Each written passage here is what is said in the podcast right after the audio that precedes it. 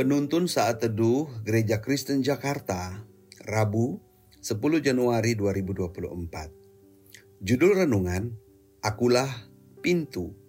Nats Alkitab terambil dari Yohanes 10 ayat 7 dan 9. Demikian bunyi firman Tuhan. Maka kata Yesus sekali lagi, Aku berkata kepadamu, sesungguhnya akulah pintu ke domba-domba itu.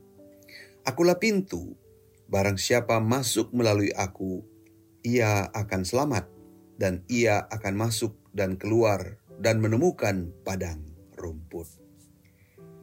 Masih segar dalam ingatan saya saat menjadi pembimbing rohani pada Holy Land Tour di bulan April 2023. Untuk masuk ke Israel, rombongan kami harus keluar dari perbatasan Mesir dan masuk Israel melalui pintu bagian selatan Israel. Saat tiba di pintu perbatasan Israel, kami harus melalui rangkaian pemeriksaan yang sangat ketat. Saking ketatnya, suasana terasa mencekam, sehingga membuat saya bertanya dalam hati, lolos gak ya? Awalnya saya menganggap pemeriksaan tersebut terlalu berlebihan tapi setelah mendengar beberapa kisah jatuh bangun Israel, saya menyimpulkan bahwa pintu perbatasan Israel sangat berpengaruh untuk suasana damai atau sebaliknya, suasana kacau. Ketika Yesus mengatakan bahwa dia adalah pintu, Yesus sedang mengatakan bahwa dia adalah Allah yang sama ketika memperkenalkan dirinya kepada Musa. Hanya melalui dia, bangsa Israel yang sedang diperbudak bisa dibebaskan cara negosiasi apa pun dengan Firaun tak bisa. Meminta pertolongan pada dewa-dewi Mesir dan sekitarnya juga tidak mungkin. Hal yang sama Kristus katakan kepada orang Israel yang pada saat itu menganggapnya sebagai anak tukang kayu yang baru hadir 30-an tahun yang lalu. Ia mengatakan kepada mereka bahwa tidak ada pintu atau gerbang keselamatan yang lain karena dirinya adalah sang penyelamat. Mengapa demikian?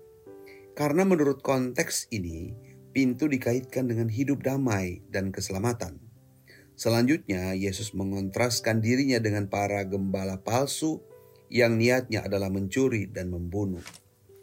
Artinya, mereka menjauhkan domba-domba dari Allah dan menuntun para domba menuju kematian. Berbeda dengan sang pintu, dia memberi hidup yang berlimpah-limpah kepada domba-domba itu. Yesus menyatakan bahwa di luar dirinya, domba-domba hanya akan menemukan janji manis yang dipakai sebagai umpan untuk menyesatkan dan mematikan.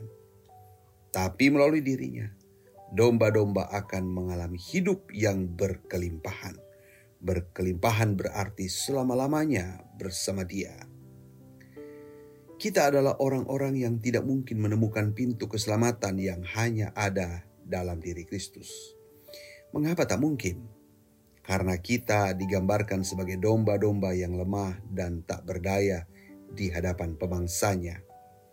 Demikianlah kita tak berdaya di dalam dosa yang membawa kita pada kematian.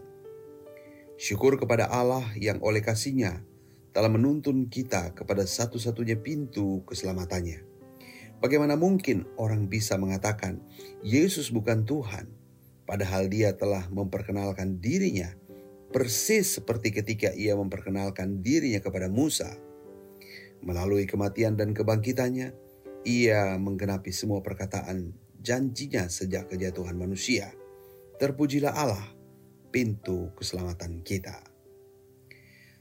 Meski hari ini tak sedikit orang yang berkata bahwa banyak pintu sedang tertutup, tetapi pintu keselamatan selamanya terbuka bagi umat ketebusannya. Tuhan Yesus memberkati.